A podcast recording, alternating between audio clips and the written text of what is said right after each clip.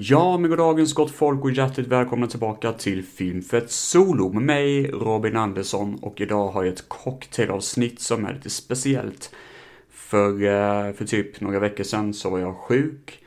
Jag var hemma typ en vecka, eh, bara för, för säkerhets skull. Eh, det var väl bara förkylning typ, men whatever. Hemma och uttråkad och bestämde mig att jag skulle lyssna på samtliga album av Genesis som finns tillgängliga på Spotify.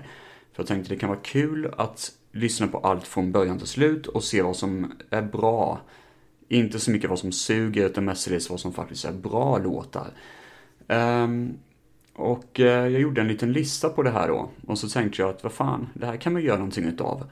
Så varför inte göra ett cocktailavsnitt på Filmfett Solo där jag rankar best of the best när det kommer till en av mina absoluta favoritband Genesis. Från progrockmusik till poprock. Från Peter Gabriel till Phil Collins. Det kan vara väldigt kul att lyssna på hur deras band har utvecklats med tiden. Och det här är, jag tror det är 25 låtar jag kommer prata om eh, från deras skivor. Och jag, visst, jag kommer säkert hoppa över några som är storfavoriterna. Som exempelvis eh, The Lamb Lies Down on Broadway som är en väldigt bra låt. Och den var nära att klocka in, men jag beslöt mig faktiskt inte att ta med den, utan jag tänkte att, eh, ja, så bra är den nog inte riktigt ändå. Men skit samma, det här kommer bli väldigt spännande. Och jag hoppas att avsnittet inte kommer bli copyrightat eller copy eh, sådär med copyrights och skit. Så jag kommer spela upp en liten, liten del av låtarna från Spotify till min mikrofon. Så ljudet kanske inte är det bästa, men bara för att ge en feeling av hur låten låter i alla fall. Um, och sen så kommer jag berätta lite grann om låten, vad jag tycker om den och så vidare. Och uh, ja, that's it. Jag kommer inte ta med live-versioner, för i ärlighetens namn så är det, jag inte så jättefascinerad av att lyssna på live-versioner av låtar. Det kan vara kul i och för sig, men jag föredrar bara att lyssna på originala låten. Och jag kommer inte ta med två skivor, för de finns nog inte på Spotify tror jag. Det ena är From Genesis to Revelation, deras absolut första skiva, när eh, Peter Gabriel inte ens var sångaren, utan det var en annan sångare som typ fick eh, kalla fötter och bestämde sig att sluta i bandet. Utan istället så kommer jag hoppa vidare på deras första skiva då. Eh, jag, vet, jag tror det är Foxtrot som var deras första skiva. Eh, hela vägen till I, We Can't Dance heter det. Den sista skivan som eh, Phil Collins var med och producerade. Sen så finns ju en absolut sista skiva som Genesis var med i med en ny sångare som jag inte kan namnet på.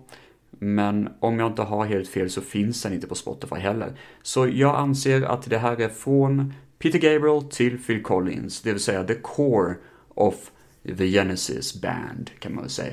Och eh, jag ska ta det i någorlunda rangordning i alla fall, från skiva till skiva. Nu kör vi!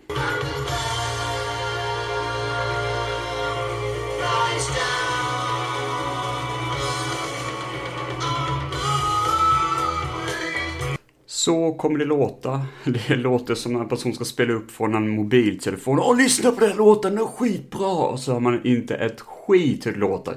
Lite så kommer det bli, men det får bli dagens kvalitet. För som ni säkert vet, Filmfett Solo är inte så jävla bra på kvalitet i ärlighetens namn. Men nu kör vi, mina damer och herrar, på riktigt med dagens avsnitt. Okej, okay, så jag hittade faktiskt From Genesis to Revelation här på Spotify. Eh, så My Bad, så att säga. Den kom ut 1969. Men eh, jag kommer ändå inte ta med det. Det låter konstigt kanske att jag exkluderar det här. Men eh, det här var inte riktigt progrock-generationen. Det här var lite mer när de började med lite gitarr, tror jag. De var, de var inte helt osäkra på vad de skulle göra för typ av musik. Om jag inte tolkat det helt fel. Men i alla fall, eh, så de hittade inte riktigt deras identitet i den här skivan, så vitt jag vet i alla fall. Men eh, en rolig sak är att bandet eh, hette ju Genesis, som sagt var. Och det var några, något folk, löst folk från samma skola. Och jag för mig till och med att Phil Collins hade inte trätt in i rollen som trummis ännu. Peter Gabriel var med, jag tror han spelade flöjt eller sånt, eller gitarr eller vad, vad tusan det var, innan han blev sångare då. Så eh, ja, det var lite sådär, lite baby steps i deras eh, eh, musikval. Men, däremot det som är kul, är det att det, skivan heter som sagt var From Genesis to Revelation, vilket gjorde att den hamnade mycket i sådana här religiösa kretsar eh, i religiös musik. Så många köpte hem det och trodde att det var religiös musik, men det var det ju inte riktigt. Vilket faktiskt gjorde att de sålde hyfsat okej okay, eh, för att vara sånt här eh, indieband kan man väl säga. Eh, ja, men eh, som sagt var, jag kommer inte eh, nämna så nämnvärt mycket mer om just den här skivan, för jag känner väl i ärlighetens namn att det är ingenting jag vill lägga tid och energi på. Det finns säkert mycket bättre recensenter som är sugna på att göra det och då får de göra det. Men skitsamma, jag kommer dra igång med nästa skiva istället.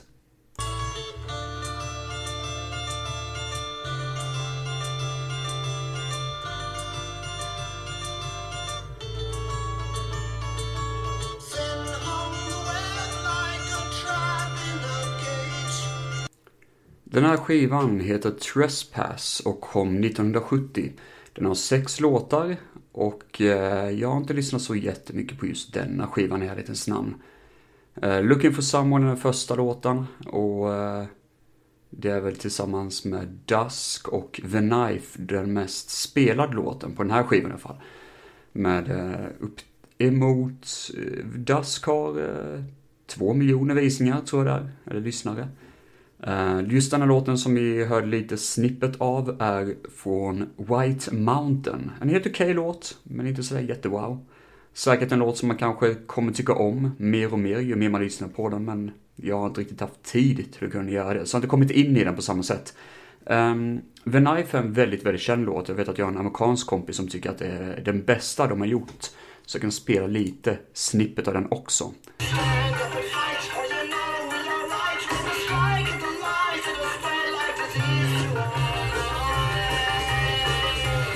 Nu när jag lyssnar på den så börjar jag faktiskt ändra lite åsikt. Det är faktiskt en jävligt cool låt. Det är riktigt bra sound där bakom det.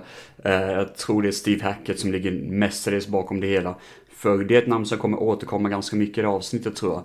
Eh, för han är ju den som är eh, instrumentalt kanske den, en av de mest intressanta namnen att nämna. Jag sitter här och ler bara jag nämner honom för han är ju en av prog-rockmusikens fader kan man säga. Jag för man har spelat med i det bandet också. Um, King of the Crimson... Nej, uh, Court of the Crimson King heter den. En av eh, de bästa progrock-låtarna. Det är inte Genesis, men jag måste bara spela upp en liten, en liten del av det också.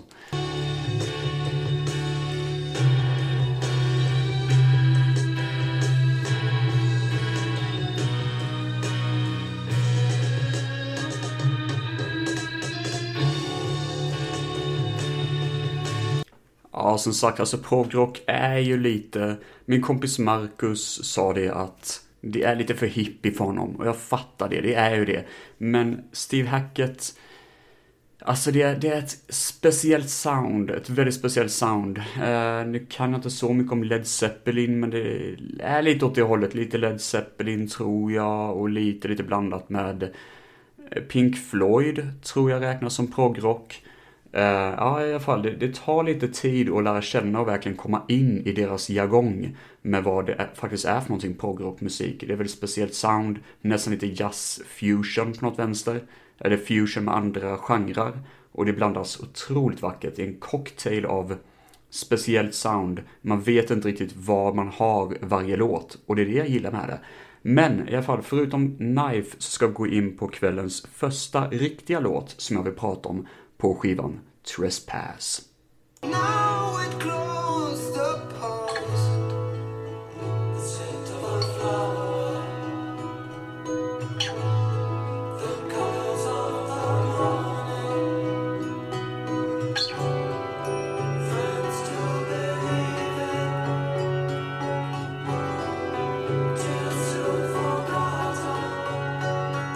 Jag pratar om Dusk. En riktigt fin låt.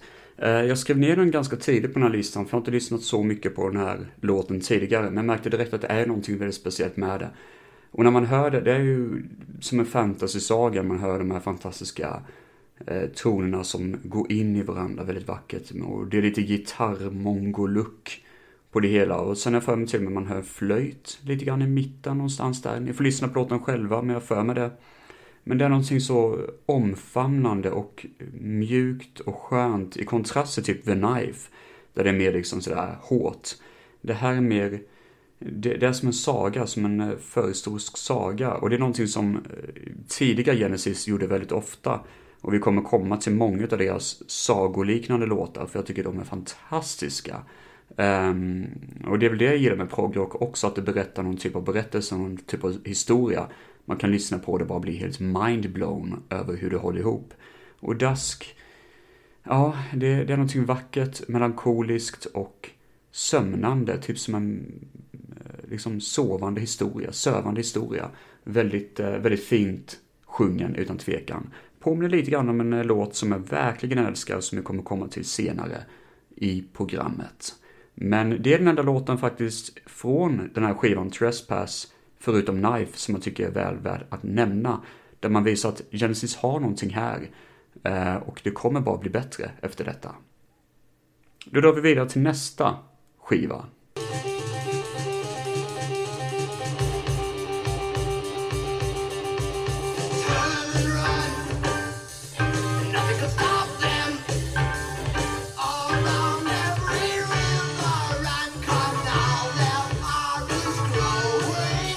Nursery Crime heter det här albumet från nästa år då 1971 med sju olika låtar. Och eh, det är också lite sån här historia bakom varje låt. The Musical Box ligger på 10 minuter lång.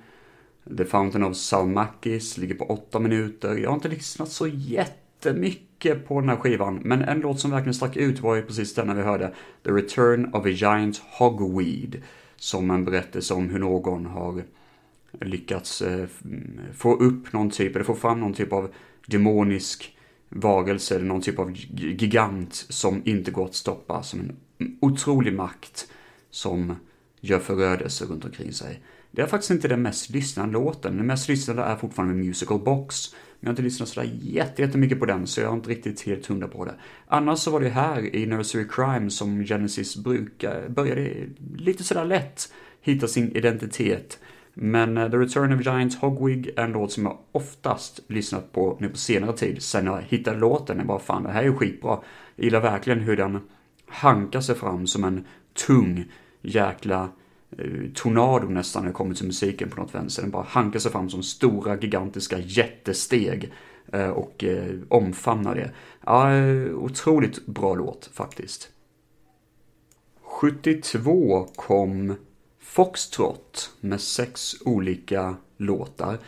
Ehm, varav den mest lyssnade på är faktiskt en av dem jag kommer plocka upp eh, idag då. Sen har vi Timetable som ligger på 1 975 lyssnare och eh, Horizons och Ja, just det, Suppers Ready måste man ju nämna. Eh, Suppers Ready är kanske den mest genomstående. Den ligger på hela 23 minuter lång. Jag lyssnade på den låten två gånger och jag bara känner, den är bra, men den är jobbig att lyssna på hela vägen. Den är otroligt, otroligt jobbig att lyssna på, för den är så jäkla lång. Men visst, folk gillar det. Eh, och det, det är ju ett konstverk i sig, absolut.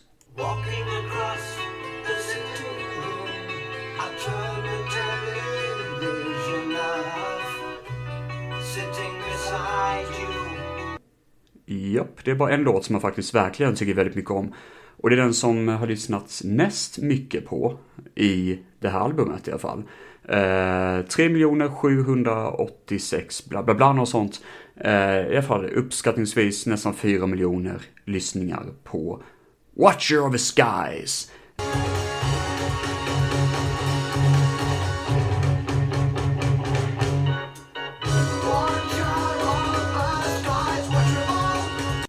Watcher of the Skies börjar, nu vet jag att det här ljudet inte gör låten rättvisa, men det börjar väldigt, väldigt långsamt. Det är liksom nästan som att jag ser framför mig vad flyger genom ett hav av moln och bara svävar och helt plötsligt så bara är det som att man kommer fram till ett stort imperium. Där låten kickar igång med Watcher of the Sky som jag börjar sjunga då. Och det är ju någon typ av, eh, ja, jag vet inte vad fasen det är, om det är någon typ av historia om Sius kanske, och sånt, jag vet inte. Men det låter som någon typ av gud i himlen. Um, och han, den är riktigt cool, hur han skriker fram uh, då eh, all uh, sång, uh, Peter Gabriel. Men samtidigt så tar han inte bort magin bakom de här fantastiska instrumenten som spelas. Och återigen en låt som Eh, Steve Hackett, återigen en sång som Steve Hackett gjort en egen version av som är riktigt kick-ass. Eh, uh, ja, Watch Over Sky som man hört många gånger, det är lätt en av de mest imponerande låtarna tidigt i Genesis uh, värld. Och det är den typen av musik jag verkligen gillar som sagt var av bandet. När det är hårt, men det är inte rädda för att ta vissa lugna toner och ha ett annat tempo helt plötsligt. 1973 så kom albumet med stort A. Det albumet som många säger är det bästa av Old School Genesis, kanske det bästa av hela bandet. Eh, generellt, och jag håller fullkomligt med. Eh, här kommer vi stanna rätt länge mina damer och herrar med Selling England by the pound. Uh, oh, vad bra den är. Uh, här har vi åtta låtar vi har eh, Dancing with a Moonlit Night som introducerar albumet. Och som sagt var det här ett album som jag inte var frälst vid första gången jag lyssnade på. Men sen ju mer man lyssnar på det så bara, fan vad det här är bra. Can you tell me where my country lies? Set the uniform to his true love's eyes det börjar med den här underbara monologen. Can you tell me where my country lies? Bla bla bla, eh, hidden in disguise. jag kommer inte riktigt ihåg. Jag brukar sjunga det här väldigt ofta när jag kör bil faktiskt. Jag tycker det är så jäkla bra att börja med den här monologen. För första gången jag lyssnar på det så bara, vad fan är det här för skit?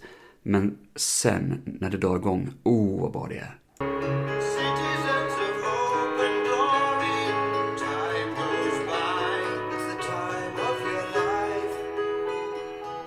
Börjar så smått, det börjar så smått, vandrar in och blir en story, liksom en berättelse bakom det. Eh, det har någonting att göra med någon mark som en eh, föreståndare för England har köpt, typ. Det var någonting man gjorde under 70-talet. Det var någon kontroversiell sak som Genesis ville göra en låt om. Eh, I alla fall, det börjar lite grann som en berättelse, lite sådär. Och sen får vi fatta varför den heter Dancing with a Moonlit Night. För nu drar det igång.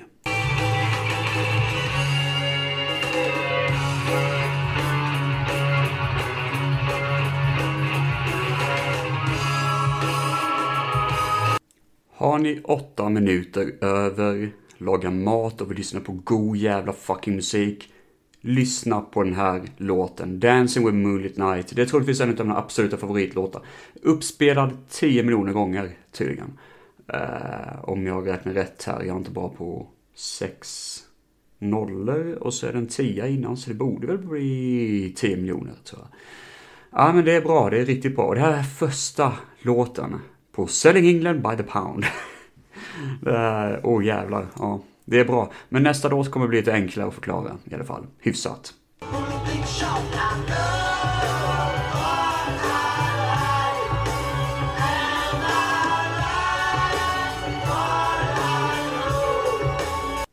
I know what I like and I like what I know It fits better in your wardrobe. Någon sån sjunger han. I alla fall. Uh, I know what I like in your wardrobe. Uh, heter låten och det här är... Uh, alltså jag kan inte ens beskriva det. Första gången jag lyssnar på den så fattar jag inte riktigt det. Men som sagt det tar lite tid att fatta de här låtarna.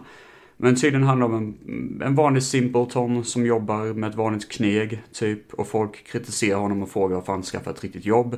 Men sanningen är att uh, han lyssnar inte på vad de säger riktigt. Eh, I slutet av låten så har till och med Peter Gabriel en liten monolog, om man ska säga. Där han säger typ What do I know? Look at me, you can tell me about the way I walk. Um, I'm just a low mower, typ att jag är bara en vanlig maskin, typ du ser hur jag går. Typ. Alltså sådär liksom att, ja, vem fan bryr sig vad jag har att säga? Jag är bara en idiot, typ lite sådär. Eh, men eh, det, det, är en väldigt bra låt. Eh, jag vet inte vad det är, men det är någonting väldigt kraftfullt i det. Och det är bara gött att bara böla ut den här låten när man bara känner att fan, jag hatar mitt liv just nu. I know what I like in wearing in your wardrobe. Vad fan är hon sjunger? Ja, skitsamma. Nästa låt på listan är, den är lång och, ja, klurig att beskriva.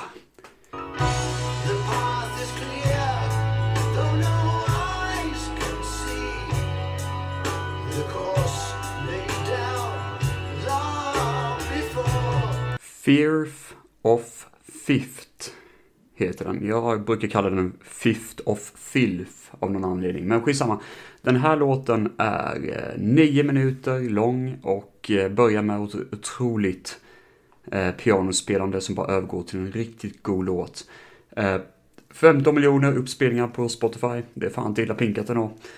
Och eh, för att vara liksom tidiga Genesis, som inte så många lyssnar på egentligen. Men eh, ja, jag gillar det. Det här är otroligt bra låt. Eh, en otroligt kraftfull låt som ehm, jag verkligen gillar. Eh, det, är bara två sektioner då det faktiskt eh, sjungs någonting i låten. Resten är bara eh, musik, men oh, den är mäktig. Fear of Fifth. Jag tror den första faktiskt gamla Genesis som jag blev kär i, tror jag.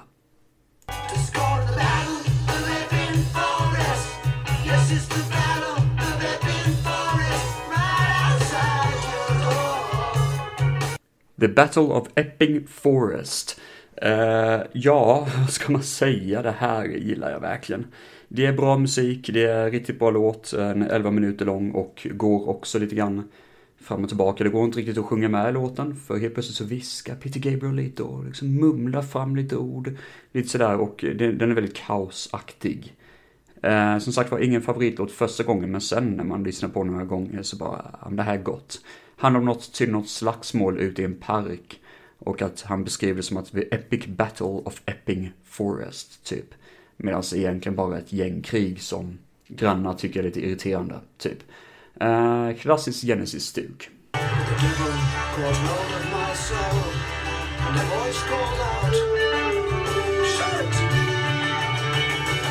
Och nu vet jag att Selling England by the Pound har många klassiska låtar som många gillar. Vi Cinema Show som är också 10 minuter lång och ganska mysig. Och lite gott och blandat, Ale och Plenty som avslutar allting som också lite grann som ett spoken word liknande sådär. Men annars är det inte så mycket mer på Selling England by the Pound som jag verkligen faller för. Däremot så, det här var ju också en skiva såklart där Peter Gabe, eller där Phil Collins var med. Och han sjöng, jag för mig han sjöng någon låt, någon romantisk låt där. Om man inte minns fel att det första låten han sjöng där. Eh, More Fool Me, tror jag. Och det är en mer romantisk låt som jag inte är så glad i. Eh, I ärlighetens namn. Men eh, det var ju första gången han sjöng. Och, det kan vara att jag är helt åt helvete nu för jag har faktiskt inte kollat upp det, men jag för mig det var så. Men det var lite sån här begynnelse att nu kan han sjunga och hans röst kan vara någonting i framtiden. För den sista skivan som kom, det sista albumet som gjordes utav Genesis med Peter Gabriel var redan 1974. Hela 23 låtar. Evil Lamb Lies Down on Broadway. 23 låtar, fan vad sjukt. Och första låten som man spelade upp idag var ju The Lamb Lies Down on Broadway för att testa lite grann hur, ljus, hur ljudet var. Eh, och den behöver vi inte prata om. Det är en bra låt, men den har jag inte här på min lista. Eller eventuellt så har jag väl det, jag vet inte riktigt. Jag är lite sådär, jag vet inte riktigt vad jag tycker om den egentligen i slutändan. Men jag har en låt. Eh, jag är egentligen inte så förtjust i det här albumet, The Lamb Lies Down on Broadway, för det är väldigt svårt för mig att verkligen tycka om de här låtarna. De går in i varandra väldigt lätt. Vissa låtar hänger ihop, som In the Cage, kommer direkt efter Cuckoo Cocoon. Så de liksom hänger ihop med varandra, typ som en enda sammanhängande låt. Men de byter ju ändå tempo och allt möjligt och det blir jättekonstigt. Så det är konstigt att recensera det här. Uh, sen så finns det en titel som jag borde tycka om som heter The Chamber of 32 Doors. Som låter skitcool. Men jag lyssnar på låten och tycker den är ganska lik det mesta andra på den här skivan. Eh, allt hänger ihop lite för mycket och blandas ihop i en sörlig liten röra i min hjärna som gör att jag har lite svårt att identifiera alla låtar. Men det finns en som jag fullkomligt älskar. Och eh, det finns till och med en live-version då både Peter Gabriel och Phil Collins eh, gör en duett av den här låten. Och det är Carpet Crawlers.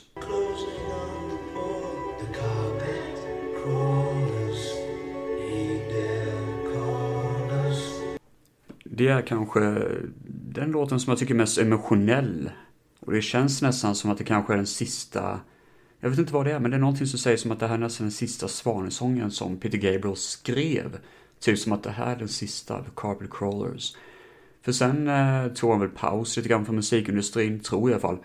Och så kom han tillbaka då och gjorde sin egna karriär, vilket jag fortfarande tycker är bättre än Phil Collins solokarriär.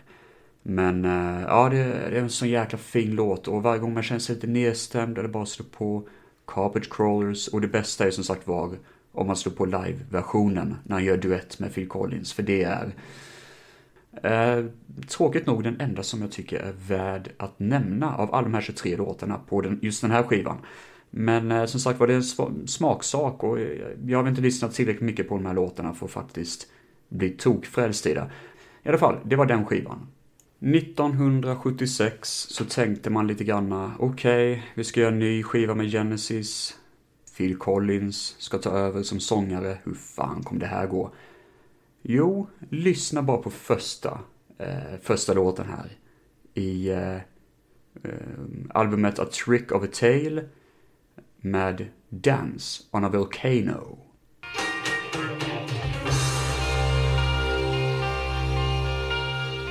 Jag fick tyvärr klippa den lite grann för jag ville att verkligen att det skulle fortsätta längre för den här låten är så jäkla god. Alla tonerna övergår i varandra så perfekt.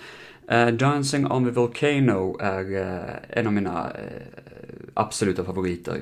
Första gången jag köpte skivan så var det egentligen bara för en låt som jag hört tidigare och den kommer vi komma till såklart. Men annars har jag inte lyssnat så jättemycket på de andra låtarna. Och det är faktiskt fyra låtar som jag verkligen tycker jag ska highlighta i det här albumet av sex låtar. Så det här kan ju vara en av de bästa låtarna, eh, eller skivorna tillsammans då med eh, Selling England by the Pound. Men Dancing on the Volcano börjar så jäkla hårt. Jag vet inte vilka instrument som används, men det är så jädra hårt. Första sekunderna bara, oh, det där, det där var bra sound liksom. Och sen drar igång, eh, låten igång på riktigt då. Eh, väldigt, väldigt cool låt.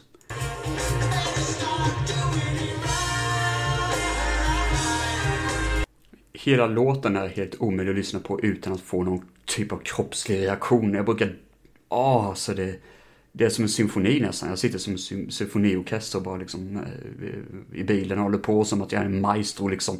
Ja, åh, den är så otroligt kraftig den låten alltså. Dance on the Volcano. Uh, många toner som övergår i varandra magiskt. Uh, och jag tror det är ganska mycket också Steve Hacketts förtjänst. Det här är hans sista album, tyvärr, Steve Hackett. Han kände att eh, bandet hade sina problem och han kände väl det att de övergick till en viss genre som han kanske inte var så förtjust i, men eh, vilket sound, vilket jäkla sound.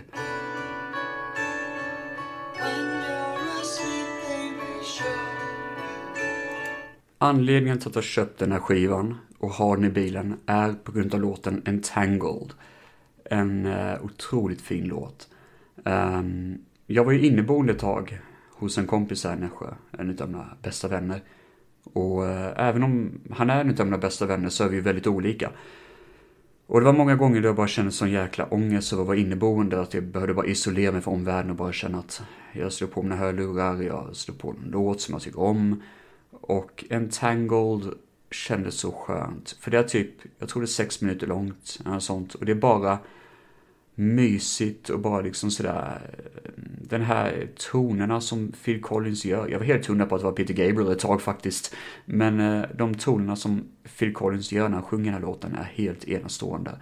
Han, eh, det, det är väldigt soft, väldigt mjukt men väldigt också rått på något vis. Alltså han sjunger från hjärtat och det är sån själ i det hela. Entangled, otroligt fin låt.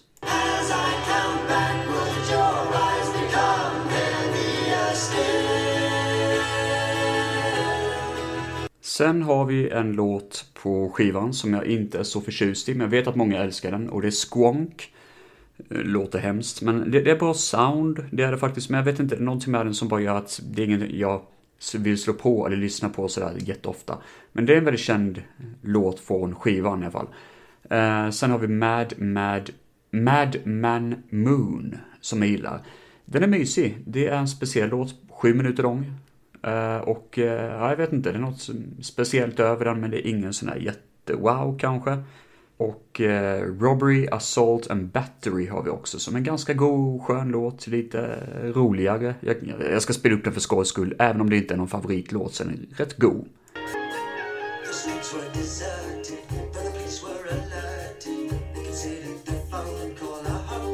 Det handlar om någon typ av rån som har gått fel eller något sånt. Eh, men den är mysig, lite roligare att lyssna på. Eh, I ett annat eh, så tycker jag faktiskt att A Trick of a Tale har väldigt många deppiga låtar. Men de är väldigt bra, de är otroligt bra, otroligt kraftfulla trots att de är deppiga liksom. Uh, vilket kommer till nästa låt, åtta minuter långa Ripples. Som i stort sett handlar om hur man kan se sig själv i spegeln och bara tänka att idag är den sista dagen jag ser ut så här. Imorgon kommer jag se lite äldre ut för varje dag. Det är ganska hårt. Men en otroligt fin låt. Åh, vilken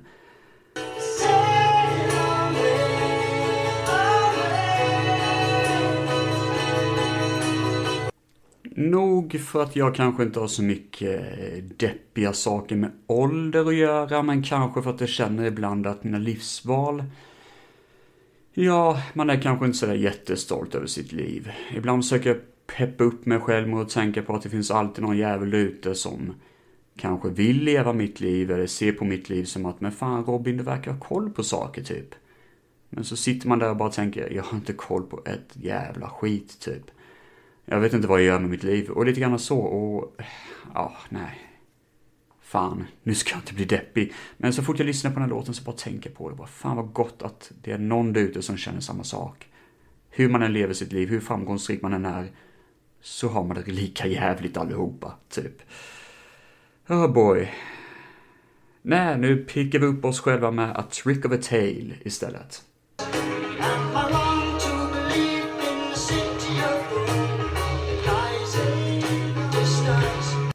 A Trick of a Tale är eh, enligt mig en av de skönaste låtarna.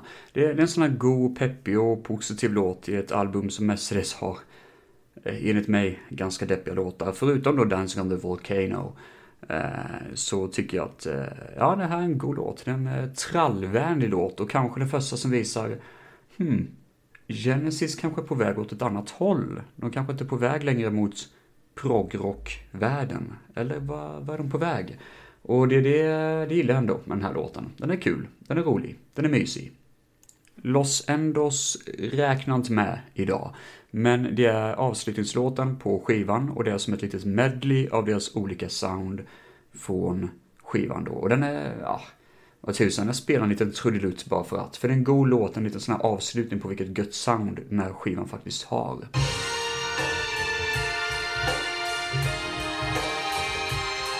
Jag trodde faktiskt att detta var den sista skivan som eh, Steve Hackett var med i, men det var nästa skiva som troligtvis var den sista. Wind and Wuthering, som den heter, från 1976.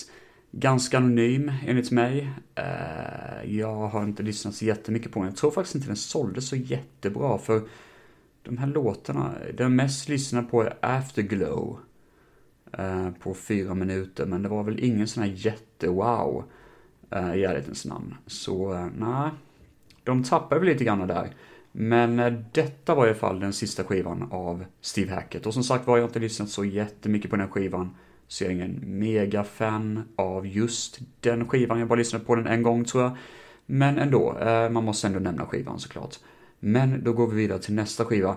And then there were free deras skiva efter livealbumet Seconds Out från 1977.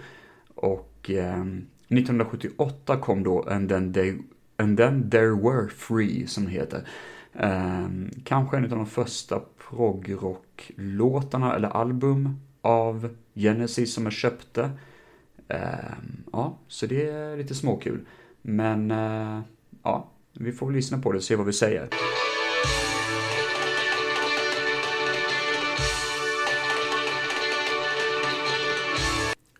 Down and Out börjar ju väldigt strålande, den börjar väldigt episkt och ingår i massa olika instrument och sen så börjar Phil Collins sjunga då. Fortfarande i progrockstuket så jag gillar ändå det. Uh, och uh, ja, den är med på min lista utav favoritlåtar faktiskt, för det är någonting gött att inleda en skiva med uh, explosionsartat tempo.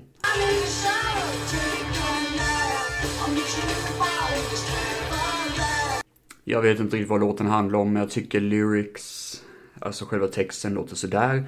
Men jag gillar ändå som sagt var själva låten. Down and out, det är ett gott, en god rytm på det och eh, man är nyfiken på vad den här skivan har att erbjuda, så att säga.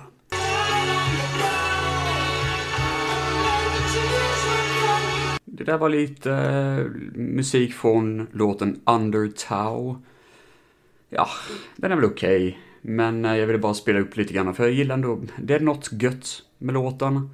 Men den är ändå inte liksom en top 5 eller någon sån här stor explosiv kul låt att lyssna på. Men däremot har vi nästa låt, Ballad of Big.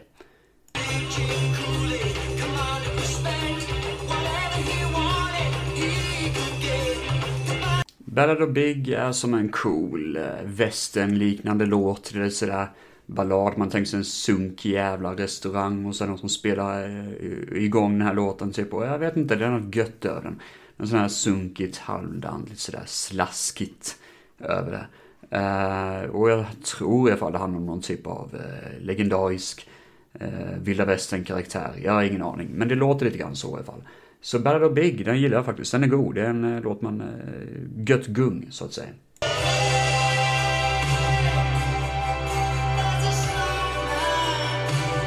Snowbound skulle passa så himla bra i en riktigt tragisk romantisk film typ. Alltså sådär när karaktären typ sitter på en, alltså verkligen fattat. att det är kört, det är över, det här kommer inte lyckas typ.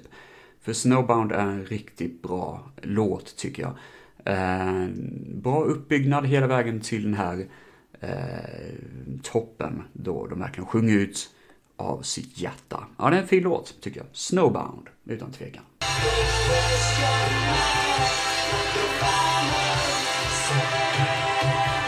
Deep in the Motherload heter denna.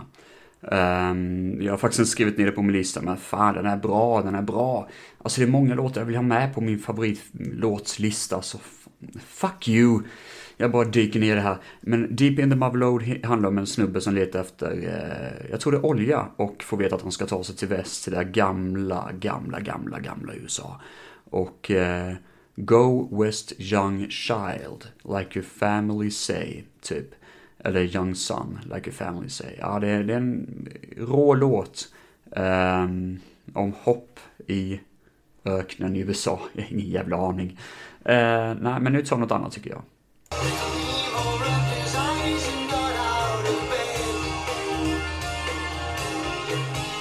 Scenes from a Night's Dream handlar precis som ni hörde om Little Nemo, den här legendariska berättelsen, eller sagan om ett barn som äter för mycket godis och somnar och har mardrömmar.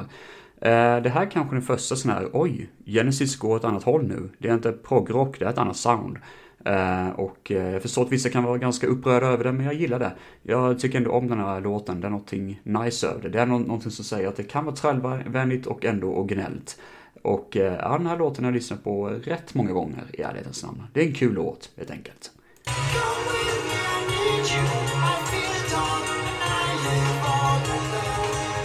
The Lady Lies handlar om hur en man försöker rädda en kvinna från fångenskap av en ond drake, tror jag, eller något sånt. Och eh, inser det för sent att den här kvinnan försöker lura honom. För den här kvinnan visar sig att det är något väsen som försöker få in honom i den här, eh, vet du det, eh, vet du det, eh, drakens lya, så att säga. Och eh, den här lilla sagan, eller berättelsen, jag tycker de bara nailade så otroligt bra med det här otroliga pianot. Ehm, det är någonting väldigt mäktigt. Alltså ibland när jag skulle lägga mig så bara kunde jag fortfarande höra pianot i huvudet. Ding, ding, ding, ding, ding, ding. Eh, oh, ja, vi får lyssna på hur låten slutar där, för det slutet är, oh, så mäktigt.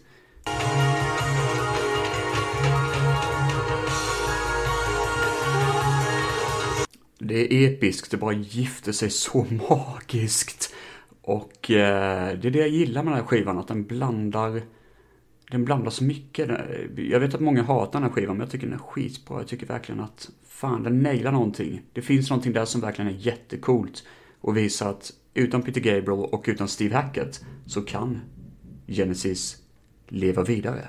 Den kändaste låten på denna skivan är Follow You, Follow Me som i nuvarande läget är femma på listan av mest lyssnade låtar av Genesis. Eh, jag är inte så superförtjust i låten, men det är väl den första som egentligen var sådär, mm, ja det här är väl, eh, vad ska man säga, radiovänligt, för det var nog den första som faktiskt spelades ordentligt på radio av Genesis, deras första riktiga hit. Eh.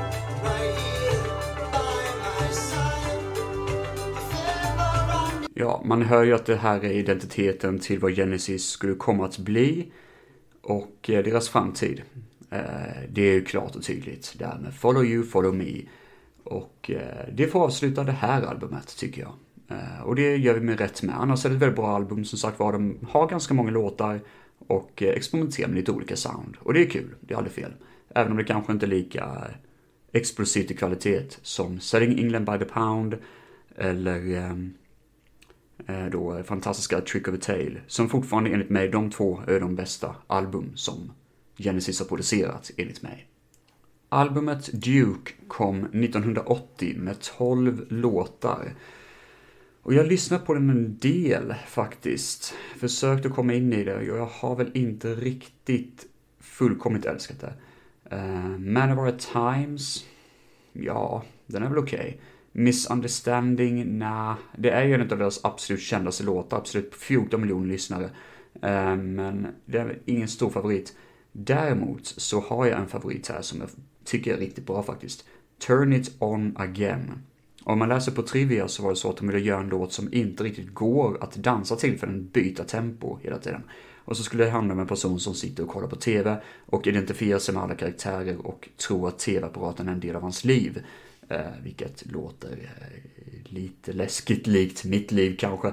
Men eh, ja, Turn It On Again, här får ni en liten del av det.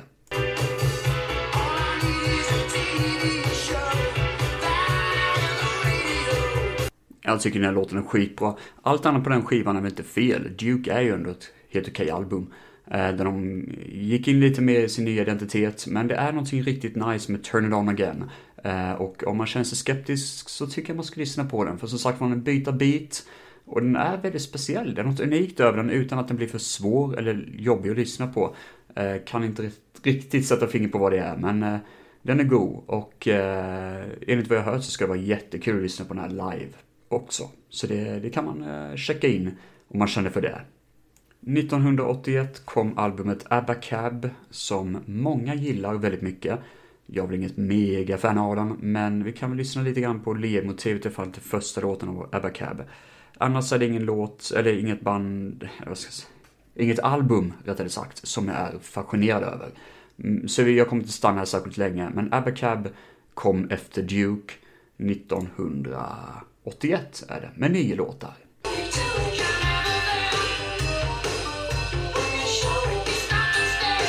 Ja, det där var Abba Cab. Eh, en liten del av det. Jag fattar inte riktigt eh, varför den är så hypad egentligen, den här låten, men ja, den är väl okej. Okay. Men däremot så har vi nästa låt som man måste nämna. Man on the Corner.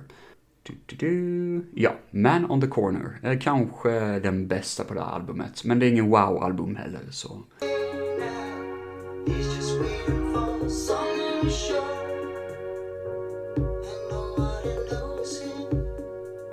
Ja, alltså, jag vet inte vad det är med den här låten, men det känns så himla mycket Phil Collins över det. Eh, trummorna och det här trumljudet, jag vet inte vad det är, men det är lite tjatigt. Lite tjatigt, eh, det här tickande ljudet. Du, du, du, liksom sådär. Eh, ja, jag vet inte vad det är, men jag är lite allergisk mot den. Men äh, den är väl okej, okay. inte så mycket mer än det. 1983 så kom det nio låtar i Genesis album som bara heter Genesis. Och eh, det här är också en av deras första megasuccéer. För nu har de rott i hamn med deras nya album som blev en succé. Och här finns många roliga låtar att prata om, såklart. Först är en av mina eh, favoriter som är ganska speciell. Första gången jag hörde den så bara tänkte jag, vad fan är detta ett Your Mama-skämt? För låten heter bara Mama. Och jag trodde det handlade först om en person som säger att han ska knulla skiten ur sin mam mamma och sånt. Men nej, det handlar om en, eh, någon sexmissbrukare och sånt, jag vet inte. Men eh, bra låt i alla fall. Lite speciell och lite, ja, lite gritty sådär.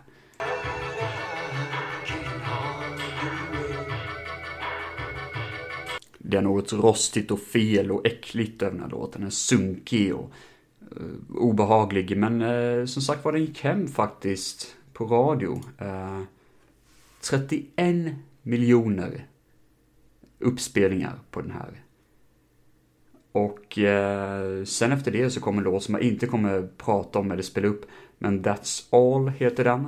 På 93 miljoner. Och jag tror faktiskt det är den Ja, det är den kändaste på den här skivan. 93 miljoner uppspelningar.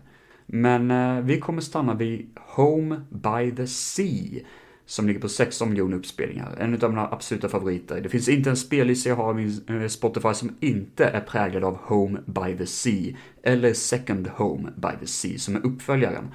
Uh, uppföljaren är inte lika bra, för det är mest instrumentellt och eh, de går egentligen ihop lite grann med Home by the Sea, men jag tycker Home by the Sea funkar mycket bättre på egen hand.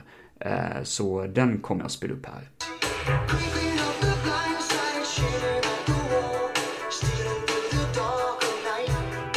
Det handlar tydligen om inbrottstjuvar som eh, råkar bryta sig in i ett hemsökt hus. Ni vet ju hur svag för sånt. Jag gillar ju story bakom musik, men jag gillar också det här soundet är så bra. Och det är liksom så bra beskrivande och så bra text och att, ja, jag tycker allt med den här låten är skitbra. Och det går ju ändå att dansa till lite grann sådär, så det är trallvänligt och fint och ja, den här gillar jag. Jag är svag för den. Home by the Sea. Jag måste bara nämna ett fiasko enligt mig som heter Illegal Alien, som jag inte gillar. Där Phil Collins gör någon typ av imitation av en utlänning. Eh, med en konstig dialekt gör han och så ska han sjunga någonting om att han är illegal invandrare eller något sånt. Nej, fy fan vad dålig den är. Den är bara så sunkig. Eh, det, låter, det låter så fel när en vit brittisk person ska fejka en accent som inte finns. Det, det funkar inte för mig i alla fall. Näst sista låten på den här skivan är en av mina absoluta favoriter. Också en låt som jag lyssnat på många gånger och eh, en av mina absoluta favoriter av Genesis. Silver Rainbow. Det här är riktigt, riktigt bra sound är det.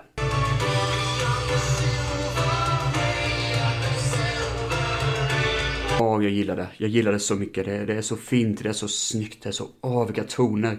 Och eh, nu har jag inte ens spelat upp introt på det hela med, men det är typ liksom eh, som en maskineri av utopisk maskin. Aj, jag kan inte ens beskriva det. Jag får såna bilder i skallen när jag eh, lyssnar på den här låten. Silver Rainbow. Då hoppar vi tre år senare. Jag har för mig att Phil Collins gjorde en egen liten karriär här emellan, så därför det tog lite tid mellan dem. Men vi har Invisible Touch från 1986 och det här är ju deras absolut alltså megasuccé. 147 miljoner. 147 miljoner spelningar på huvudlåten Invisible Touch. Som, eh, ja, den är, den är ju lite mysig ändå, det får man ju ändå hålla med om, eller hur?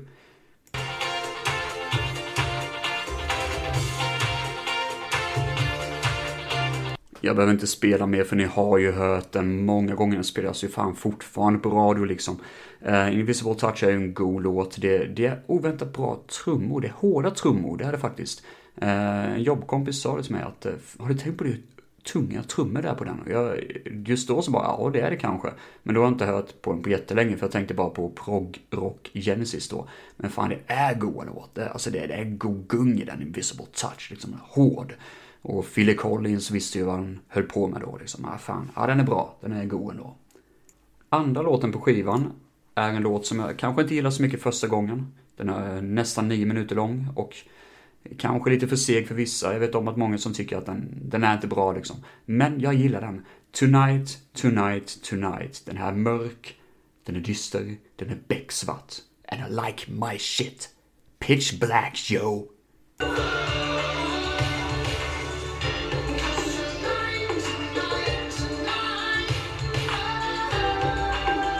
Jag var tvungen att kolla upp en liten sak för jag har sett musikvideon på Tonight Tonight Tonight en gång i alla fall. Den är ganska lång men go ändå.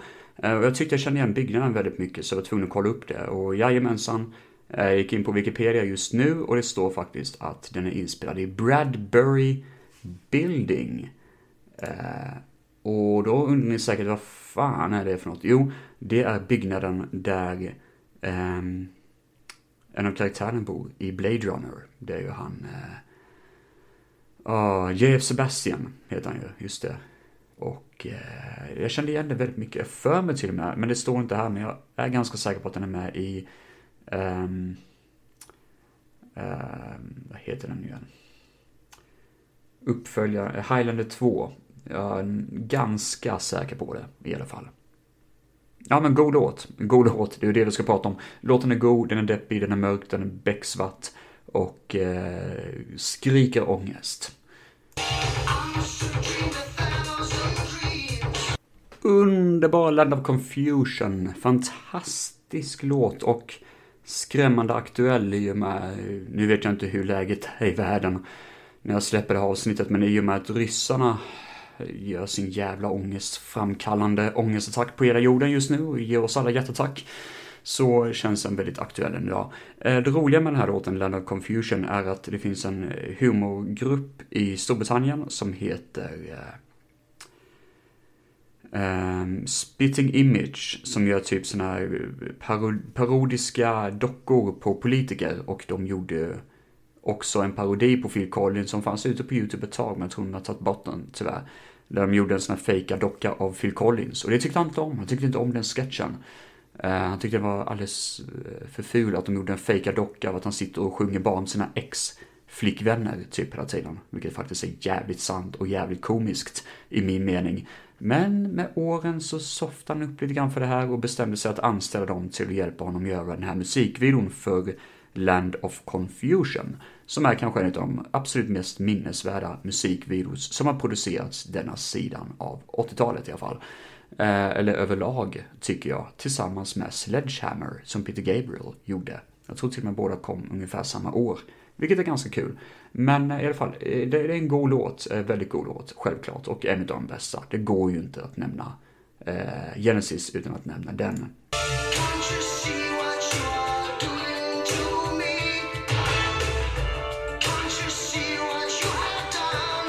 Domino Medley har jag faktiskt skrivit en kortfilms, eller kort berättelse på i mitt eh, andra kanal, Arcane Saga. Eh, som är baserad faktiskt på den här låten då, Domino Medley. Det är två låtar i ett och första sektionen som ni hörde där är In the Glow of a Night. Och sen har vi andra sektionen som heter då The Last Domino.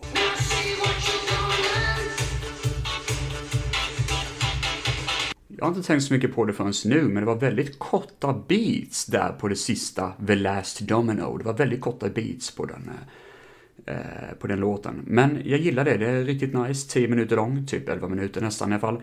Om någon typ av eh, krigssituation som hette typ, eh, jag vet inte vilket land det var i, men det var någon typ av eh, krigssituation och en utav musikerna, om det är Tony Banks eller någon annan utav gänget, bestämde sig då att skriva en låt om det.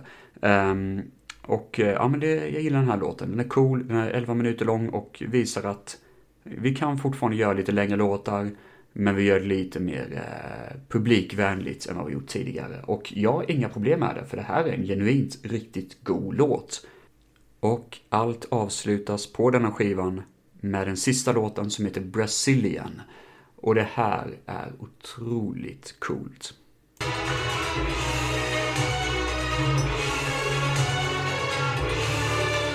Så första gången jag hörde den låten så tänkte jag, okej, okay, det är roliga trummor, god bas, la la la.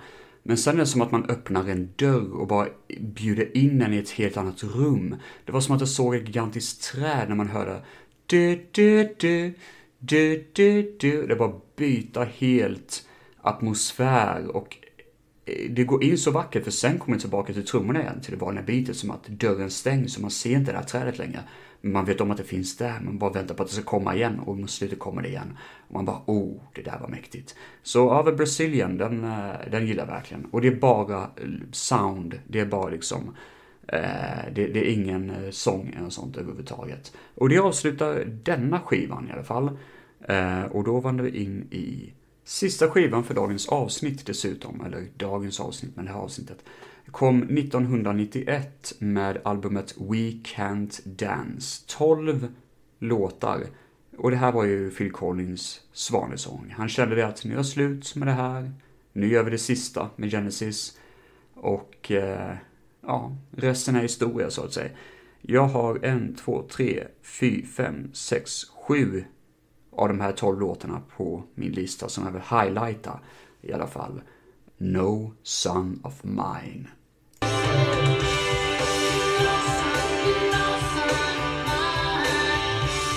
Det handlar om förräderi inom familjen kan man väl säga. Att vad man än gör så blir man kanske inte accepterad. Och eh, det handlar lite grann om mobbning och utfrysning och sånt i familjen och det är ju deppigt. Men det är en god låt, jättebra sound och eh, lite sappy, lite on the nose kanske, men eh, god ändå. Man fattar ju vad den vill och eh, den eh, slog igenom i alla fall, eh, kommersiellt så att säga. Så det är en god låt och jag tycker den förtjänar att vara med på listan över de bästa Genesis-låtarna. Vi måste ju såklart nämna en av de absolut roligaste låtarna. Eh, för Phil Collins var med i ett avsnitt av Miami Vice där han låtsas vara en preacher. Eh, eller avsnittet slutar med att han låtsas att han är en sån här tv-evangelist och ska skamma folk på pengar utav det. Eh, och den här låten handlar ju om tv-evangelister som skammar folk på pengar, typ. Folk trodde dock ett tag att det verkligen handlade om att de är religiösa, vilket är ganska ironiskt. Men låten i sig eh, blev ju jäkligt känd, alltså den borde inte vara så känd. 44 miljoner lyssnare i Jesus He Knows Me.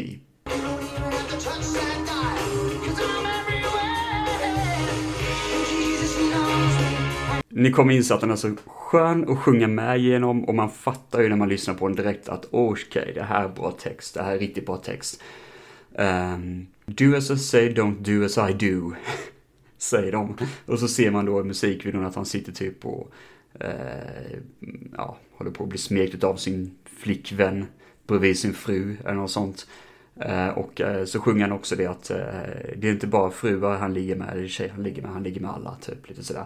Ja, det, det är en rolig, jätterolig låt i ärlighetens namn. Och det är kul att folk har misstolkat den. Då har vi Driving the Last Spike.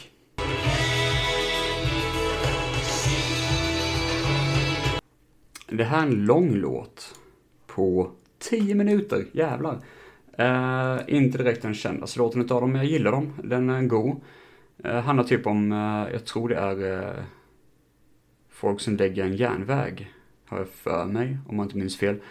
I alla fall, det är en riktigt nice och mm, smutsig låt. Alltså det känns hårt, som att de faktiskt berättar någonting väldigt bra över den. Jag har inte lyssnat så mycket på texten i ärlighetens namn. Men riktigt god låt, nevertheless. Eh, Eh, lätt värd att vara med på listan utav de bästa låtarna utav Genesis, det tycker jag faktiskt. Men eh, då traskar vi vidare i titellåten och en av de roligaste låtarna att dansa till, eller sådär, sjunger med i, för det är en god låt. I can't dance. En utav, ja fan, den är, det är underbar, underbar.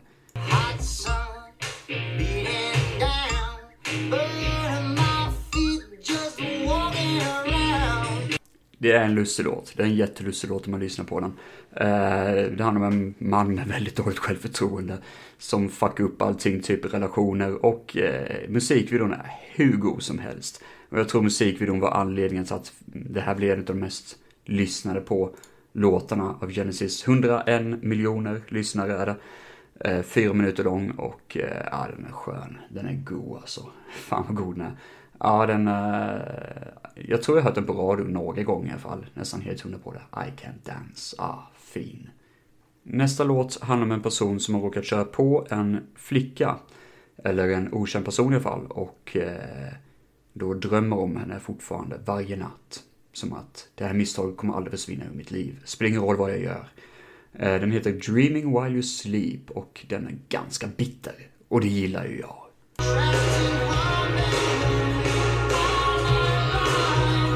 Den är, ja det är tungt, det är något fint över det. Något tungt och melankoliskt och som sagt var svag för detta, väldigt svag för det. Det är inte det här sappiga eh, Phil Collins, utan lite mer Genesis. Eh, vilken är en hårfin skillnad ibland, för ibland tycker jag Phil Collins tar över lite för mycket, särskilt i hans kärleksballader som han gjorde i Genesis och tryckte in där. Men eh, vi har ju också en halvmysig låt ändå som heter Living Forever som jag tycker vi måste spela upp här.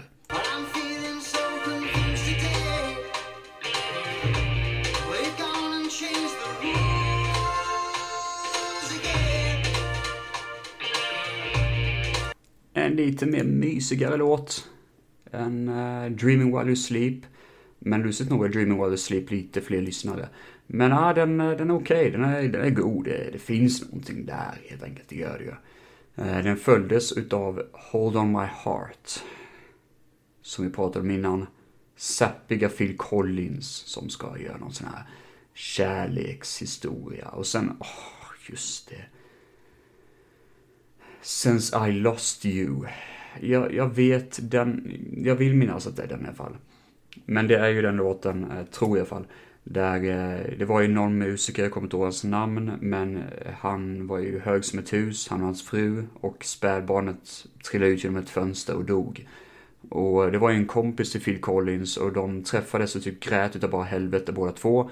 Och skrev varsin låt om incidenten samtidigt. Jag kommer inte ihåg vad den andra låten heter, men som den här riktiga musikern, då pappan till barnet, hade skrivit. Men denna låten heter Since I Lost You.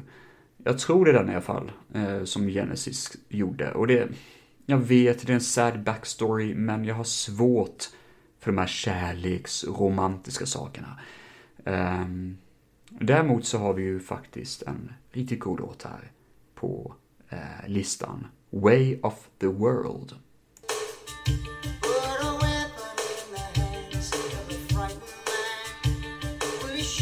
Ja, okej, okay. Way of the World är kanske lite övertydlig om krig och konflikter och lite sådär on the nose. Det är inte direkt att man kan gräva in och hitta något djup i den låten kanske, men det är en god låt, det är en mysig låt och den, det har gott sound bakom sig och det är huvudsaken. Um, och ja, det är det jag gillar med den. Det är inget fel med det. Nu tänkte jag slänga ihop en snabb lista över de best of the best. Um, nej, det, det kommer fan inte gå men de absolut highlightade låtarna i alla fall av Genesis. Från början till slut. Eh, jag vet att jag kunde ha gjort den här listan, men vad fan. Det går ju inte att göra det när det kommer till Genesis. Skitsamma. Jag får nog ändå gå igenom lite snabbt, generellt, highlighta de bästa av de bästa. Jag tycker Dusk och uh, Watch Over Skies, uh, I Know What I Like uh, och Fifth of Filth, eller vad fan heter det. är typ riktigt bra låtar. Uh, Carpet Crawlers, uh, Dancing on the Volcano, Entangled, Ripples, um, The Return of Giant Hogwit, uh, Home by the Sea, Silver Rainbow, Tonight, Tonight, Tonight, Dancing with the Moonless Night, Land of Confusion, Domino Medley, The Brazilian, Jesus Who Knows Me, och I Can't Dance, uh, Dreaming While You Sleep och Way of a World. Det är nog fan de absolut bästa av bäst. Eh, om jag ens kan koppla in det här på något vis och klippa bort det här på något vis. Ja, det är fantastiskt. Jag vet så mycket om huset, om ljudet på de här eh, inspelningarna har varit åt helvete, men tycker ni det har varit kul så kan jag fortsätta göra det här. Det finns lite olika roliga band som man skulle kunna plocka upp. Och jag vill gärna lyssna på mer musik. Det här är ett roligt projekt och köra från början till slut. Eh, och eh, jag hade jävligt kul med det här helt enkelt. Eh, ett roligt projekt är det. Sen får man inte glömma att säga det, vad är Phil Collins idag? Jo, han sitter hemma på stugan. Nej, det gör han inte. Han ska faktiskt göra en eh, sista turné, är det tänkt sig, som heter då The Last Domino tillsammans med Genesis. Men de ser slitna ut allihopa. Jag för mig till och med Phil Collins sitter ner på en stol och sjunger för han kan knappast stå upp. Och det är många som säger, och jag håller med om det, när man hör hans röst att han är sleten, han har inte samma röst. Många stående för honom och sådär, oh men du är så cool liksom, och jag håller med om det, men han är sliten. låt han vara i fred, låt han vila. Han, han har inte energi till det här egentligen. Men han vill ju pusha ut det här som sitt sista framträdande i Genesis. Och det är kul att de ska göra den här sista grejen. För de har lite roliga låtar då när man går in på Spotify här och eh, kollar. Vi ska se nu här. Eh, vi läser Domino. 27 låtar är det. Duke's End, Turn It On Again, Mama, Land of Confusion, Home by the Sea, Second Home by the Sea, Fading Lights, The Cinema Show, den är fan inte lätt, den är fan 10 minuter lång. Både den och Fading Lights är 10 minuter långa. Afterglow, Hold On My Heart, Jesus He Knows Me, That's All, The Lamb Lies Down on Broadway, Into Deep, Follow You, Follow Me, Duchess, No Son of Mine, Firth of Filth, um, i Know What I Like in Your Wardrobe, Oh, den är jag sur på att lyssna på bara för att det är Phil Collins liksom. Som gör den tolkningen. Domino Medley, eh, uh, Throwing It All Away, Tonight, Tonight, Tonight, Invisible Touch, I Can Dance, Dancing with a Moonless Night, uh, Carpet Crawlers, Abacab. Ja, oh, herregud, det är många låtar. Jag är lite nyfiken på att höra om det faktiskt är Phil Collins som sjunger detta. Nej, det är det inte. Jag lyssnar lite snabbt. Det här är remaster på eh, skivorna som jag precis har nämnt. Så det var faktiskt inte från deras live-turné tyvärr. Det har varit roligt att se dock eh, om Phil Collins försöker tolka de här låtarna.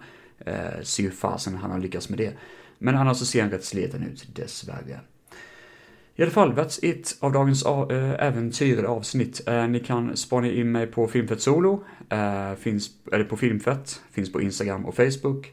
Tack så jättemycket för att ni har lyssnat idag och ha det bäst allihopa. Goodbye.